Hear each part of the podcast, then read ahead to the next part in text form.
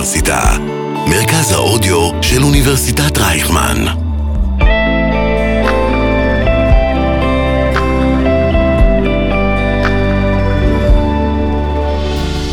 ענייני השעה פרופסור ליאב אורגד ופרופסור יניב רוזנאי משוחחים על האתגרים הגדולים של המשטר הדמוקרטי בישראל, בישראל ובעולם. ברוכות וברוכים הבאים לפודקאסט ענייני השעה, דמוקרטיה תחת אש, מטעם מרכז רובינשטיין לאתגרים חוקתיים באוניברסיטת רייכמן. מזה כ-70 ימים מדינת ישראל מצויה במלחמה נגד ארגוני הטרור הפלסטינים ברצועת עזה. בעקבות המלחמה קמה ממשלת חירום לאומית והמערכת הפוליטית כולה נמצאת בחוסר ודאות לגבי העתיד. אני פרופסור יניב רוזנאי וכאן איתי פרופסור ליאב אורגד, שותפי במרכז רובינשטיין, ובפרק השביעי שלנו יש לנו את הכבוד לארח את אביגדור ליברמן, יושב ראש מפלגת ישראל ביתנו. בעבר היה גם סגן ראש הממשלה, שר האוצר, שר הביטחון, שר החוץ, שר האנרגיה, שר התחבורה ויושב ראש ועדת החוץ והביטחון. איווט ליברמן, תודה רבה שאתה נמצא כאן איתנו. שלום. אה, חבר הכנסת ליברמן, אתה שועל ותיק בפוליטיקה הישראלית, כנראה מן הוותיקים והמשפיעים בפוליטיקה שלנו בעשורים האחרונים. תן לליאב ולי תרחיש איך ישראל תיראה ב-2025. קודם כל צריך לסיים 23, עדיין לא סיימנו את המלאכה, וכרגע חייבים להיות ממוקדים לנצח את הטרור, לנצח את החמאס, להחזיר את החטופים. אלו המשימות. מה יקרה ב-25? נגיע לגשר, נעבור אותו. כרגע חייבים כל המאמץ, כל, ה... אה, כל ה... באמת הכוחות שלנו חייבים להיות בכיוון אחד. אבל טוב. נתת כמה סדרי עדיפויות, אבל מה מתוך זה? מה, מה בעדיפות ראשונה? הכל, הכל זה באותו סדר עדיפויות. זה גם החזרת חטופים, ואין החזרת חטופים בלי ניצחון על חמאס, ואין פה חיים בלי באמת אה, חיסול של חמאס כארגון, כארגון שולט ברצועת עזה, והכל הולך באותה חבילה, זה אותה חבילה.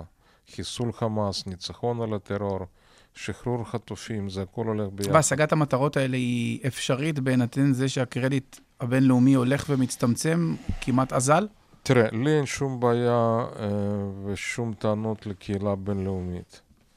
אנחנו כבר 67 ימים במלחמה נגד ארגון טרור. במלחמת יום הכיפורים, ביום ה-19, היינו על אם הדרך לכיוון דמשק וקהיר. ולכן אין לי פה שום טענה.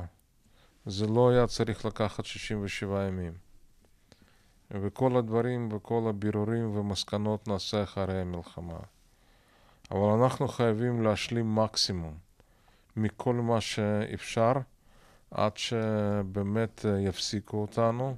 וכשאני מסתכל על הביקורים הדחופים מיום חמישי הקרוב, היועץ לביטחון לאומי סילבן וראש המטות המשולבים ומזכיר ההגנה, ושמענו גם את ביידן, כנראה אותו שעון חול הולך ואוזל, וכנראה אין לנו יותר מדי זמן, ולכן צריך להספיק את המקסימום. וחשוב לדבר לא 25, אלא מה קורה יום למחרת ה... אז בוא נדבר על זה. בוא נ...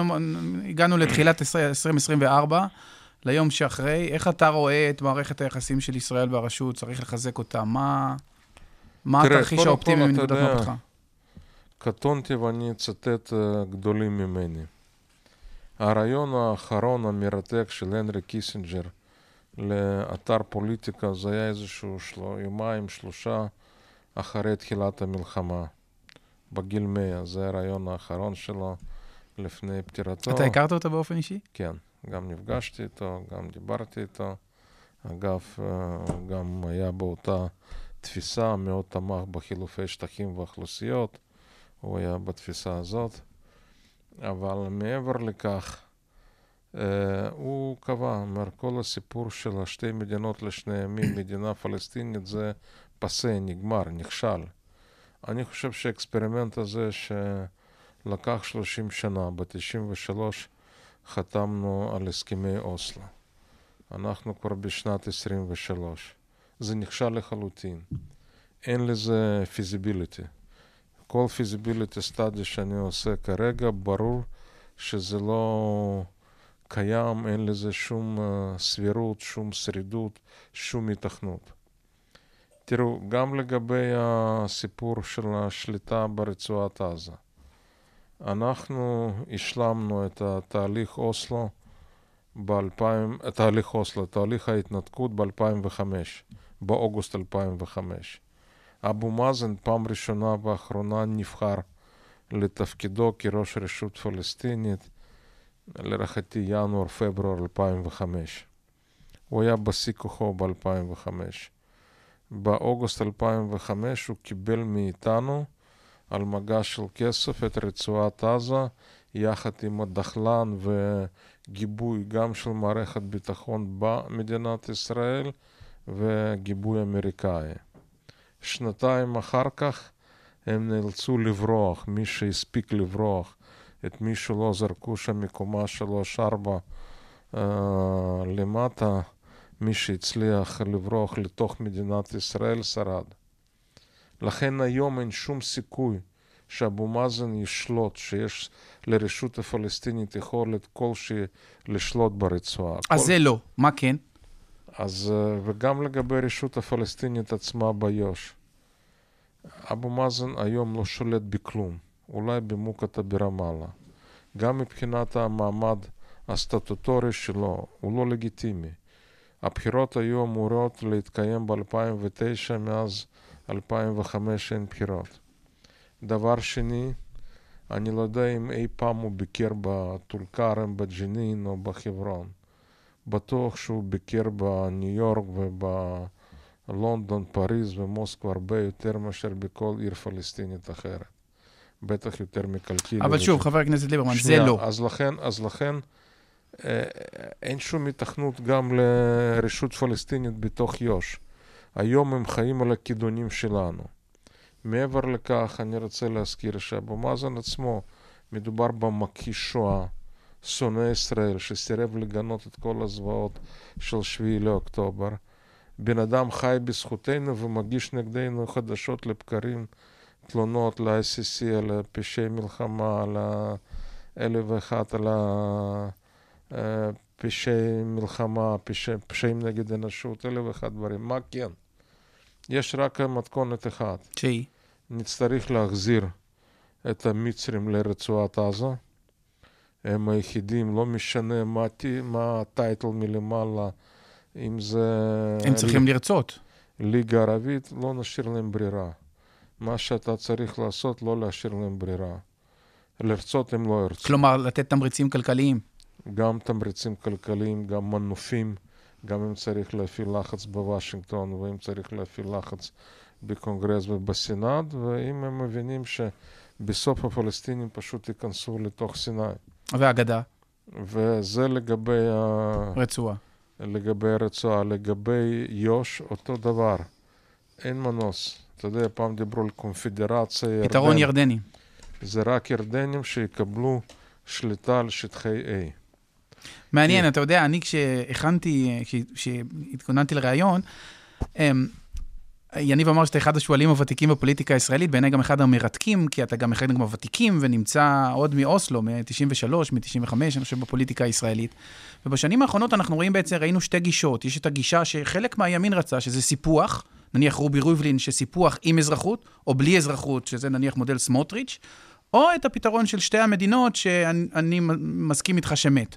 אז אם אין שתי מדינות ואין סיפוח, עם או בלי אזרחות, אז בעצם, אם אני מבין נכון, הפתרון הראוי לשיטתך זה גדה עם איזושהי קונפדרציה ירדנית, ואז הפתרון מצרי. חד וחלק. ואיך עושים את זה? תראה, אותו דבר, פשוט, אתה יודע, מפסיקים לזגזג, מקבלים, מאמצים עמדה ומתעקשים עליה, והולכים בכל הכוח, בכל העוצמה, ואז זה חוזה. ואז זה קורה. כי מה שהיום, אתה יודע, איך כתוב, ללא חזון ייפרע העם. זה החזון שלנו, ואני חוזר ואומר, כמי שנולד וגדל בבית בית"רי, ושתי גדות לירדן, וארץ ישראל הגדולה, ואני יכול להגיד היום, כי כתבתי את זה כבר בספר שלי ב-2004, כשיש לך סתירה בין שלמות העם ושלמות הארץ, שלמות העם חשובה יותר. ואנחנו חייבים כל הזמן לחשוב על שלמות העם. ושלמות העם זה גם קודם כל ערכים משותפים, התפיסה המשותפת.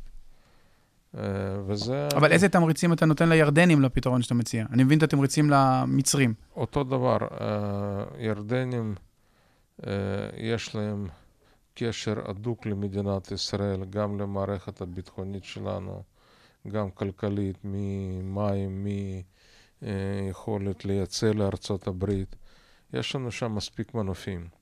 וזה לא יהיה יותר מסוכן שבמקום לקבל ישות פלסטינית לא, מוגבלת, אה, מפורזת, ללא צבא, נקבל אותה כחלק מירדן, שזו מדינה שיכולה תראה, לקיים תמיד, צבא? תמיד עדיף לך שיש לך, לא משנה, פרטנר או אפילו יריב סימטרי. כי הבעיה שלך כשאתה נלחם מול ארגוני טרור או מול סמי מדינות, זה לא, אה, זה לא משהו סימטרי. כשיש לך מדינה, יש לך כתובת באמת משהו מאוד ברור, מאוד אחראי, שניתן uh, למשש אותו ואפשר uh, לדרוש תשובות. ברור. כשיש לך ארגוני טרור שאין להם שום אחריות על האוכלוסייה האזרחית, לא על התשתיות, זה הרבה יותר... ברור. מותר. אגב, אני איתך בנושא הירדני, אני רק חושב שזה כל ה... זה מבוסס על זה שהשלטון האשמי ימשיך להיות שלטון, וברור לגמרי שלאורך זמן זה לא יתקיים, מכיוון שהרוב הוא פלסטינים עוד לפני שהוספנו את הגדה. אז, אז לכן דווקא להם חשוב שליטה בכל הנושא של הפלסטיני, שלא תהיה תסיסה, שלא אה, תהיה זליגה לכיוונים של, ה, אתה יודע, ממלכת אה, פלסטינית במקום, במרכאות, במקום ממלכת האשמית. ולכן אני חושב שגם לירדנים בסופו של דבר, גם אם מסרבים להודות על כך בפומבי, יש עניין גדול שתהיה להם שליטה בכל הנושא הפלסטיני. מה אתה אומר? אז אתה גם יוצא נגד התפיסה של ניהול הסכסוך? כלומר, לשיטתך, מה שפעלנו בשנים האחרונות, שאפשר לנהל את הסכסוך ולצמצם אותו, זה לא ישים. זה לא ישים, זה הוכח. תראה, לא רק אצלנו, אנחנו חלק ממזרח התיכון. אתה יודע, פעם לפני האביב הערבי עוד היו כל מיני אשליות שסכסוך ישראלי-פלסטיני זה לב ליבו של הסכסוך במזרח התיכון. אנחנו ראינו באביב הערבי אין שום קשר. וכל המהפכת תחריר, וכל מה שקורה עד היום בלוב ובתימן ובסודאן ובעיראק ובסוריה לא קשור בכלל לסוגיה הפלסטינית. וזה חלק מהבעיה, אתה יודע, אנחנו באזור מאוד סייסמי, אה, שנקרא מזרח התיכון, ואנחנו כנראה אה, התבלבלנו וחשבנו שאנחנו חלק מסקנדינביה, או חלק מבנילוקס, או חלק מצפון אמריקה. לא, אנחנו חלק ממזרח התיכון.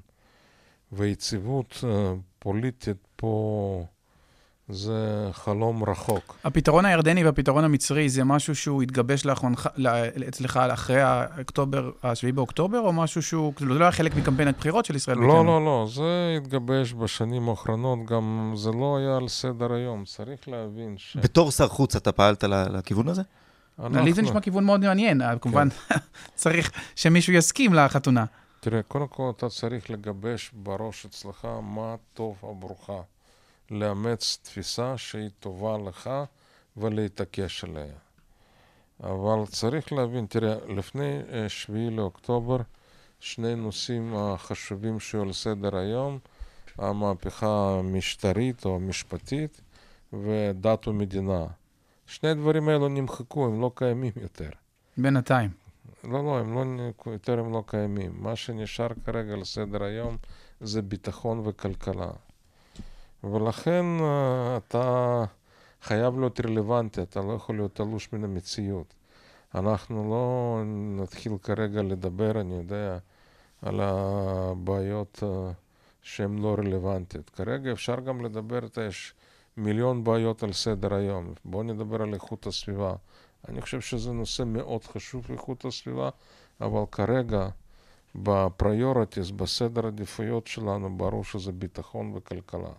ליאב, מה שמטריד אותי, איווט הציע פה איזשהו פתרון יצירתי, אבל הוא גם הצביע על הכיוון שהוא חושב שהוא הנכון. מה שמטריד אותי, זה שאני לא חושב שכרגע הממשלה יש לה בכלל איזשהו רעיון מה היא רוצה לעשות ביום שאחרי. תראה, ממשלה היא לא קיימת, היא לא רלוונטית. ראש הממשלה, שהוא מוביל את הממשלה, ברור שיש לו רק שיקול אחד, יש דבר אחד שמנחה אותו. שלטון, שרידות שלטונית, איך הוא נשאר בשלטון.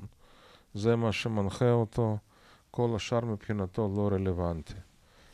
ולכן הוא מוכן... להאריך את המלחמה עכשיו גם עוד שנה כדי להישאר בשלטון?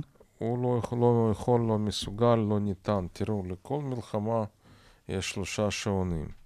וכששעונים לא מסונכרנים, אתה תמיד מגיע לברוק. מה שלושת השעונים? יש שעון מבצעי, יש שעון מדיני ויש שעון כלכלי. ברור. ואתה חייב לסנכרן, גם מבחינה כלכלית. תראו, היום יש רבע מיליון מגויסים אנשי מילואים. זה המנוע הכלכלי של מדינת ישראל. מי אלו רבע מיליון מילואימניקים? זה חבר'ה צעיר, צעירים בגילאים 23 עד 45, רובם. בשיא כוחם, הם המנוע הכלכלי. בלעדיהם אין כלכלה, אין לנו גם עובדים זרים. ולכן יש פה מחירים ואי אפשר להתכחש אליהם.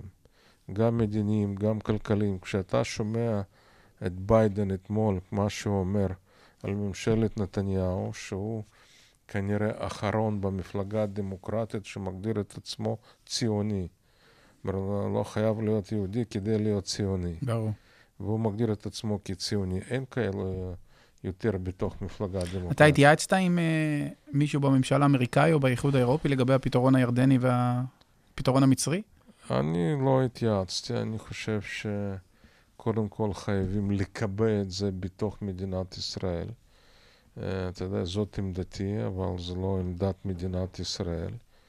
אבל אני מניח אם כל מדינת ישראל תאמץ את זה, ותתעקש על זה, אין זו אגדה. ברור. איווט, אני רוצה לשאול אותך, אתה, אתה דעתן ויש לך כנראה עמדות מאוד ברורות לגבי גם איך צריך לנהל עכשיו את המלחמה. למה לא נכנסת לקבינט? למה לא הצטרפת לממשלת החירום הזו כדי לא להשפיע? הוא בטח שמע את השאלה הזאת אלף פעם, כן. אבל אני חושב שהזמינו אותך, ובהתחלה... לא, בסדר, יש גם דרכים לגרום שיזמינו אותך. שנייה. זה היה כלול בלי... לא, לא, לא, לא. עם שר בלי חבר בקבינט, נכון? אני אמרתי, אני לא מחפש כבוד. אני מוכן להיכנס מתחת לאלונקה. אני מוכן לשאת באחריות. אבל אני רוצה להיות במוקד קבלת החלטות. אני באמת לא מחפש, אה, לא רוצה הסכם קואליציוני, תקציבים, תקנים, ואומנם זה כבוד גדול להיות שר 38 בלי תיק ולהחליף את גלית דיסטל. אה, ליד השולחן 38. שרים? 37 יש לנו? 37 יש. סגנים. אה, פוף. אחרי שדיסטל התפטרה, נותרו 37, הציעו להיות uh, שר 38. אני מוותר על הכבוד. עם איזה תיק? בלי תיק, שר אה, בלי תיק. כן, טוב, אז אני מוותר על הכבוד הזה. אבל אני, אם אני לא חבר בקבינט מלחמה, אין לי מה. ולא- וזה לא הייתה לא הייתה לא, אפשרות כזאת. לא התעקשו שאני לא... המצאה ישראלית, שר בלי תיק. כן, כן. יש לנו יותר שרים נורבגים מאשר בנורבגיה. אני רגע רוצה לקחת את זה ל... ל- ל- היו לי שתי שאלות שאמרתי, אני... עם אחת אני אקבל תשובה, זה, זה כבר השגתי, ואחת זה היה באמת הנושא המדיני, שאותי מרתק היה לאן אתה מוביל ולאן יוביל הקמפיין כן. הבא, וענית תשובה מרתקת בעיניי. אה, יש לי עוד שאלה בהקשר הפוליטי, תראה, אה, בעצם אתה גם ימין וגם חילוני. אה, קודם כל, אני ימין היחידי במפה הפוליטית הישראלית. אבל סיפרו לנו שאתה חלק מהשמאל. תראה, ב... קודם כל... חבריך מהימין אומרים שאתה... קודם כל, הפרדה בין ימין לשמאל זה קודם כל תפיסה כלכלית. בעולם הנורמלי, מה התפיסה הכלכלית? ואחר כך זה כל הנושא, אה, יחס שלך למוסדות המדינה, ההתייחסות לסוגיות כמו דת או מדינה. ואני אבל רוצה- בתפיסה הכלכלית שלך אתה לא מאוד שונה מנתניהו, לא? תראה, מה ששונה... שניכם ימין כלכלי. נתניהו אין לו עמדות עכשיו, הוא אמר. אני, אני מיישם את התפיסה הכלכלית שלי, ניסיתי ליישם אותו כשר האוצר. מה שנתניהו אישר בתקציב האחרון זה התקציב הכי סוציאליסטי, והוא גם הכי פוליטי, זה כלומר כלכלת בחירות נטו. נכון, אבל זה נראה לי יותר נססיטי מאשר השקפת עולמו. כן, השקפת עולמו היא אבל שתבין, קפיטליסטית ניאו-ליברלית. חצי שעה אה, נסיעה מכאן אתה מגיע לבית ז'בוטינסקי. אה, באמת המטה, ה headquarter של החירות וליכוד ההיסטורית. בכל קומה יש לך או תמונה או פסל של אה, הרצל, ז'בוטינסקי וטרומפלדור. שלושתם היו אתאיסטים מוחלטים. לא היו חילונים, היו אתאיסטים מוחלטים. אתה יודע, ז'בוטינסקי, אני צם שלוש פעמים בשנה, ז'בוטינסקי לא צם אפילו לא ביום הכיפורים. אני גם לא אספר לך מה הייתה ארוחת בוקר אהובה אתה צם? אני צם ביום הכיפורים, אני צם בתשעה באב ובצום גדליה. אז זה ממש מרתק. פעמים. אני, אני, בשנים האחרונות לפחות, לא, לא צמתי, ואתה גם צם, וגם כן. אני מבין שאשתך היא דתייה, היא חרדית. אשתי דוסית, ו... אז איך, איך זה זה עובד? מתחבר עם ה... עובר, עובד כבר, אני יודע, 42 שנה. לא, אני אומר, איך זה כן. מתחבר עם התדמית של אה, ליברמן אה, נגד חרדים? ליברמן לא נשוי לך אישה חרדית. אני, היא לא חרדית, היא דתייה, לכן אנחנו גרים בנוקדים, זה בין היישובים הבודדים שיש כל האוכלוסיות, יש גם חרדים, יש גם דתיים חובשי כיפות, ויש גם חילונים כמוני, ואנחנו אז חיים רגע, שלוש פעמים אתה צם, זה יום כיפור, יום כיפור, תשעה באב וצום גדליה. ואנחנו ממש אפיקורסים, אתה ואני. כלומר, אני... ומה עוד אתה מקיים מהמצוות שאנחנו... זהו, אני מספיק, אני חושב ש...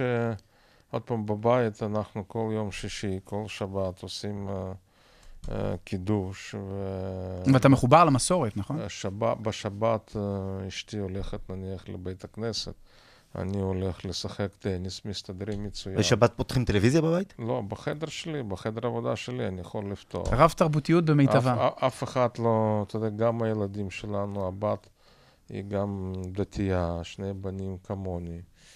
אה, בבית אני אוכל רק כשר, בחוץ כל מה שטעים, ואפשר... אולי את זה צריך כן. להדגיש בקמפיין הבחירות. אבל- הלוואי על כל הערים אצלנו, כן. כזה שילוב. אתה יודע, אפרופו לא, מכון אבל רובינשטיין, שתבין לגבי חרדים. לא, אני אומר, ליברמן לא נגד חרדים, אני בעד חרדים, אני נגד עסקונה החרדית. אה, ברור. הרי כל מה שמטיפים היום, אה, גם עסקני ש"ס ויהדות התורה, זה בניגוד ליהדות. הם במקרה הטוב, הכת הכי קרובה ליהדות. הרי שבת אנחנו עושים, אתה יודע, קידוש. מה אתה קורא בשבת בקידוש? ששת הימים תעבוד ועשית את כל מלאכתך, ויום שביעי לאדוני אלוהיך. נכון. אל תעשה כל אי אפשר. לקבל את השביעי בלי שעובדים ביד צריך גם כתוב- להזכיר, כתוב, הרי כל שיום שבת אומרים, לא אומרים תלמד, תתבטל, אני יודע מה, כתוב ששת ימים תעבוד אז אחר כך ועשית את כל הנרות אתה מלאכתך. תברך כשאנחנו עושים את כן, ההדלקת נרות. צריך גם להזכיר שהוא נתן הרצאה אצלנו השנה במכון רובינשטיין מרתקת על הנושא כן. של גיוס חרדים, אה, למה על פי הדת היה צריך לגייס אותם, וזו הייתה הרצאה נכון. מרתקת. תראה, אני גם, לגבי לעבודה, אתה, אני אומר לכולם, אם רמב"ם ורש עבדו במשרה מלאה, כנראה יהודים לא פחות טובים מגפני ודרעי, אז גם אחרים יכולים לעבוד. אגב, זה- אגב, דרעי, יש, ראינו, יש, יש עכשיו התקרבות לדרעי אחרי שנים סולחה, שלא מה היה, ראינו שהייתה? סולחה במליאה. מה זה סולחה במליאה? אתה יודע, אני בדיוק קראתי איזשהו אס.אם.אס, ככה הייתי שקוע בתוך קריאה. לידי יושב יושב ראש סיעה עודד פורר, פתאום אני מרגיש שהוא נותן לי מרפק.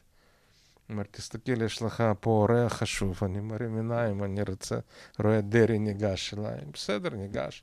אומר שלום, אני... אז זה כל הסולחה? שלום, על זה... רגע, אז מה, מה זה אומר על הממשלה הבאה?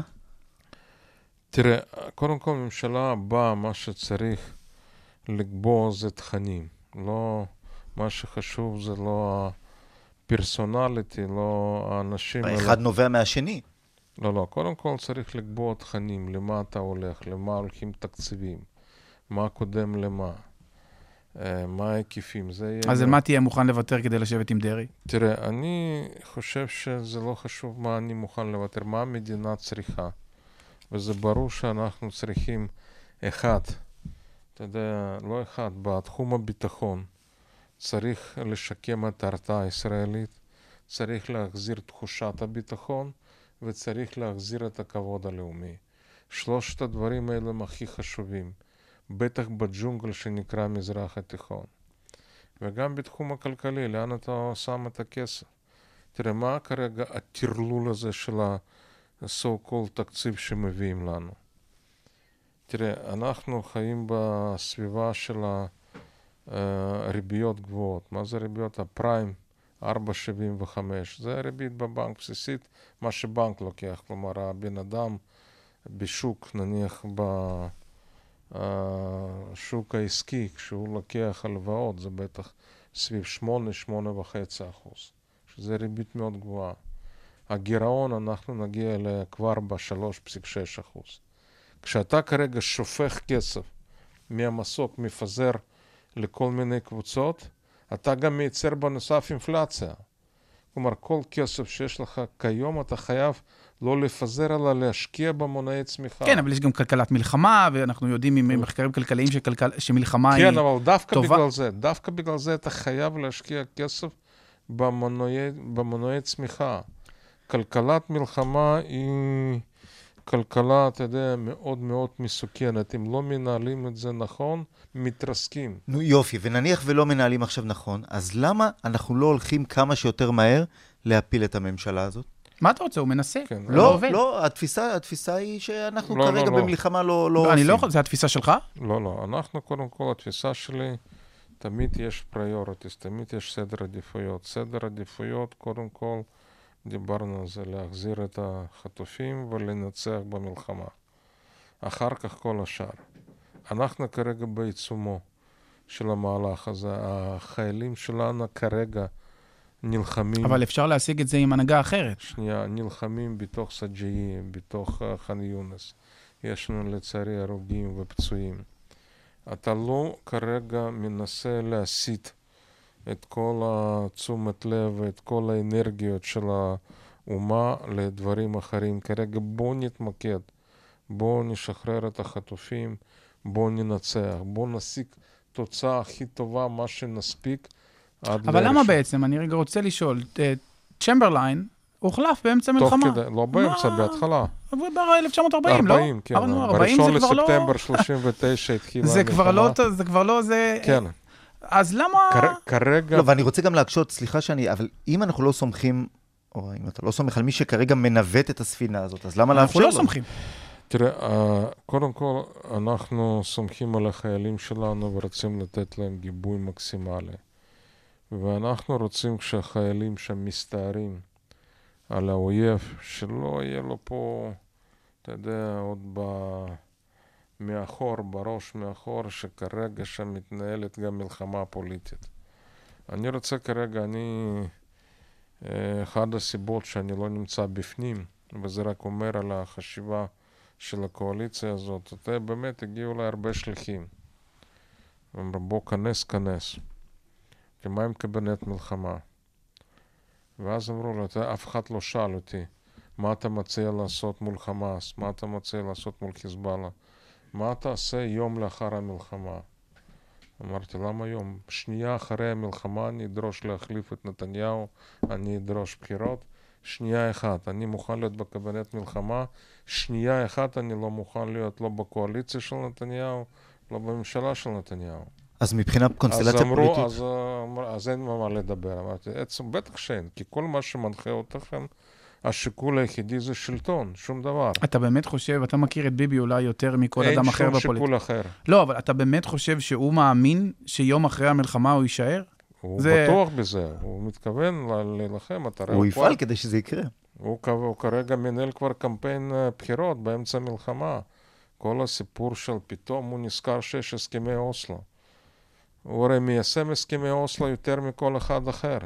מ-96 הוא מי שמיישם עד אה, הסכמי אוסלו, הוא מי שיושב בכל מיני ארוחות עם ערפאת ועם אחמד טיבי ועם אבו מאזן והוא שמסר חברון לערפאת ב-97, בתחילת 97 והוא מי שחלק משטחי B העביר לערפאת, הפך אותם לשטחי A, והוא מי ששחרר את יחיא סינואר וכל המחבלים, הצביע בעד יהיה ההתנתקות. תרחיש שבבחירות הבאות הוא יעמוד בראשות הליכוד? תראה, אני לא מעניין אותי מה קורה בתוך הליכוד. אני חושב שהעם צריך לומר את דברו. ברור, כרגע, לפי הצהרות של נתניהו וכל השותפים, הם מתכוונים למשוך עוד שלוש שנים מבחינת ברור. התאריך. ותפקידנו יהיה ש... להבטיח שנלך לקלפי ונבחר בהנ... הנהגה שזוכה לאמון הציבור. אז רק, כדי, אז רק כדי לחדד את הנקודה הזו, אז אתה מתנגד לתפיסה שנדמה לי שלפיד מוביל אותה שצריך ללכת לאי אמון קונסטרוקטיבי, אתה אומר, נסיים את המלחמה וישר בחירות. תראה, האמון קונסטרוקטיבי זה כברירת מחדל, זה עוד כזה מכירה, כזה, אתה יודע, קומבינה פוליטית נבחר. לא, אני חושב שצריכים ללכת לבחירות, לבחור הנהגה חדשה. אחרי המלחמה. אחרי, יום אחרי. המלחמה. כן, כן. אני מסכים. אני רק רוצה רגע שוב לחזור ל... התחלתי עם זה שאתה גם ימין וגם חילוני. ופוליטיקה היא כמובן אני, האומנות... אתה יודע, תלמידו של ראש בית"ר, ז'בוטינסקי. אני באותה תפיסה, תורת ז'בוטינסקי, as is. נכון, אבל אז אני רוצה רגע, מז'בוטין, מ-77, בכל זאת, אה, בגין כרת ברית, שאני חושב למעט פעם אחת לא נשברה בין הימין לבין הדתיים. והיום לא, לדבר היה- על ימין, פעם אחת, נתניהו-לפיד, נכון? לא, גם אצל שרון היה שהוא העיף את ש"ס מהממשלה, אז היינו. אוקיי, אז היו שני בממשלה חריגים. היה טומי לפיד ואני. נכון, טומי לפיד, נכון, אבל, נכון, אז שני חריגים, אבל שרון זה היה אחרי שהוא הקים את קדימה, נכון? כן. אוקיי, אז ה, ה, בגדול הימין הולך עם חרדים, או עם דתיים, או עם גם וגם. תראה, זאת תפיסה שגויה אתה- שימין זה כמעט אצלנו, כמעט אוטומטית זה חרדי, זה כמעט חרדים. באמת, גם בליכוד, היום רוב המפלגת ליכוד אין להם שום קשר לתורת ז'בוטינסקי. אתה יודע, אני מסתכל על שלמה קרעי, שר התקשורת. מה הקשר שלו לתורת ז'בוטינסקי? הוא מחסידיו של הרב מזוז. כל השנים היה עוזר של אלי ישי בש"ס. כשאלי ישי הפסיד את הבכורה לאריה דרעי בש"ס והוא הבין שאין לו עתיד בש"ס, אז הוא עבר... ברור, אבל אתה מדינאי, כן. לא היסטור- היסטוריון, כן. וכעניין של פוליטיקה יומיומית, בסוף צריך לעשות פשרות, אם אתה רואה את עצמך אנחנו- בימין עם הדתיים. תראה, או, אני או, אמרתי... או אם נפרדים מהדתיים, אבל אז אתה כאילו מוציא את עצמך מעצם הברית תקשיב. מהימין. לא, לא, הימין זה אני, זה לא הם. אוקיי, ואני חושב הימין שצריך- האמיתי. צריך לחזור למקורות, ומבחינתי, גם כשאני מסתכל על תפיסת ז'בוטינסקי, אין דבר כזה שמישהו לא משרת בצה"ל. אין דבר כזה. אתה, כולם חייבים לשרת. מה זה אין לימודי ליבה? אנשים לא לומדים לימודי ליבה. הרי נתניהו כשר האוצר, הוא נלחם ורצה... אגב, זה לקצץ- אולמרט פתר אותם. יולי תמיר הייתה שרת החינוך. זה לא נתניהו. אה, נתניהו אומר, כשר האוצר דרש קיצוץ בקצבאות, ואמר, בואו ניתן, אל תיתנו להם דגים, תנו להם חכות. ולתת חכה זה קודם כל לימודי ליבה, זה יכולת למצוא את. לצ- למצוא עבודה שיכולה לפרנס בכבוד. אה, בחור צעיר שבגיל 18 לא למד יום אחד, לא אנגלית, לא מתמטיקה, לא מחשב, איזה סיכוי יש לו להסתדר? זה מראש בונים לו מין קוראלס, רק אה, נתיב אחד, ישירות לכולל הישיבה. אתה חושב שהמלחמה שינתה משהו בתפיסה הזאת של יחסי דת ומדינה, אה, חרדים, שכן. גיוס וכולי? א', כן, לטובה. ת- לטובה. אני חושב ש... גם עם ערביי ישראל, צריך לומר. אני חושב שבגדול החברה הישראלית עברה תהליך טקטוני, והחברה הישראלית היא הרבה יותר אה, מתקדמת ממערכת פוליטית שלה. אגב, מי שעצר את המהפכה המשפטית, מה זה מהפכה? זה השתלטות של איש אחד על בית משפט עליון ועל ועדת- על ועדת הבחירות המרכזית. זה לא פוליטיקאים. עם כל הכבוד גם לאופוזיציה, זאת לא אופוזיציה, זאת המחאה, החברה האזרחית. גם פה, בתחילת המלחמה, ראינו ממשלה קרסה, לא תפקדה. מה שתפקד, מי שתפקדו זה אותם ארגונים של החברה האזרחית. אנחנו רואים פה גם פה באמת גילויי סולידריות ובאמת עם ישראל ערבים זה לזה. תראה, פתאום אני מסתכל על החרדים, יש גם התגייסות. אתה רואה פתאום זק"א מקבלת הכרה גם בציבור הרחב וגם בציבור החרדי. זק"א היו מוקצים, הם היו מוקצים גם במגזר החרדי, פתאום הם שם גיבורים. אתה מסתכל, נשים חרדיות בבני ברק מכינים אוכל לשבת לחיילי צה"ל. לפני 7 לאוקטובר זה היה מחזה סוריאליסטי, זה היה בלתי אפשרי. אתה מסתכל גם על השמוצניקים, על הקיבוצים של שומר הצעיר. ביקרתי בעוטף עזה, פתאום אתה רואה שם מהפך, אותם אנשים ששנים נלחמו על הזכויות של העובדים העזתים והכילו. היו עזתים שעשרות שנים עבדו שם בקיבוצים וחיו מהם, והם היו הראשונים אלו ששדדו אותם וכל הביזה שהייתה. אז גם שם פתאום יש תזוזה, אומרים, אנחנו לא רוצים לראות אותם. אחד לא נראה פה. אותם אנשים שהסיעו אותם מהגבול לבתי חולים שלנו והחזירו, אומרים, אנחנו לא רוצים לראות אותם. גם חברה ערבית, הם גילו הרבה יותר אחריות ממה שציפו. נכון. אני מכיר כל התרחישים שהציגו לפני זה המשטרה, השב"כ, וגם פה אני חייב להודות שהם מתנהלים בצורה הרבה יותר אחראית. כלומר, החברה הישראלית פה דווקא זאת שעתה עייפה. לצערי במערכת פוליטית אה, עדיין הכל הפוך. גדלות הציבור הישראלי אל מול אפסות ההנהגה הפוליטית. יניב כותב שאנחנו uh, צריכים לסיים מתישהו, אבל אני לא רוצה לפני שנדבר על המחאה המשפטית. אנחנו נדבר על הרפורמה המשפטית. Uh, אני ויניב, יש לנו דעה שונה בהקשר הזה, ואני רוצה לספר לך סיפור אישי. אני מכיר המון מצביעים של ישראל ביתנו. וחלק ניכר מהמצביעים של ישראל ביתנו הצביעו uh, לך לאורך השנים, דווקא בגלל העמדות האסרטיביות שלך. בהקשר של רפורמות במשטרה, בהקשר של רפורמות במערכת המשפט. אני אה, אישית כתבתי שניים, שלושה מאמרים אקדמיים בהקשר של הרפורמות שהצעת, וזה היה הדגל שאם היה אדם מזוהה בפוליטיקה הישראלית, זה היית אתה. אני בעד רפורמה משפטית. ואז אני... באו רוזנאי ואנשי המחאה, ואתה, קולך, אני לא שמעתי אותך יוצא נגד, אה, יוצא תומך בשר המשפטים או בחלק מהרפורמה שלו. להפך. ההפך, הוא יצא נגד. יצאתי בהכי חזיתית נגד. אני חושב שלא הייתה... לא, בעד אני אומר, לא, כלומר, נגד, ה... אני יצאתי נגד... נגד המחאה ובעד חלק מהרפורמה המשפטית של לוין. לוין. יצאתי נגד יריב לוין וכל היוזמה שלו. אבל חלק מהדברים האלה אתה תמכת, זה מה שאני אומר. סליחה, סליחה, תן לי רק... כן. תראה, אני מאוד תומך מאז שהקמנו ישראל ביתנו. הסעיף הראשון, ב-99, הדגל היה רפורמה משפטית. רק נכון. מה כללנו ברפורמה המשפטית? קבלת חוקה.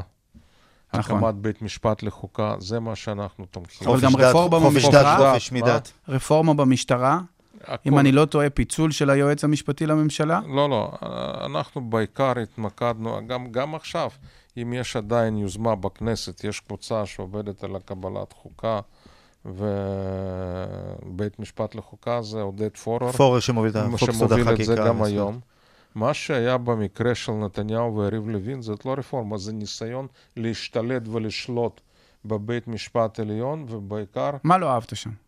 כי זה שליטה פוליטית מוחלטת של ראש הממשלה בבית משפט עליון, במינוי נשיא בית משפט עליון ובמינוי יושב ראש ועדת הבחירות המרכזית.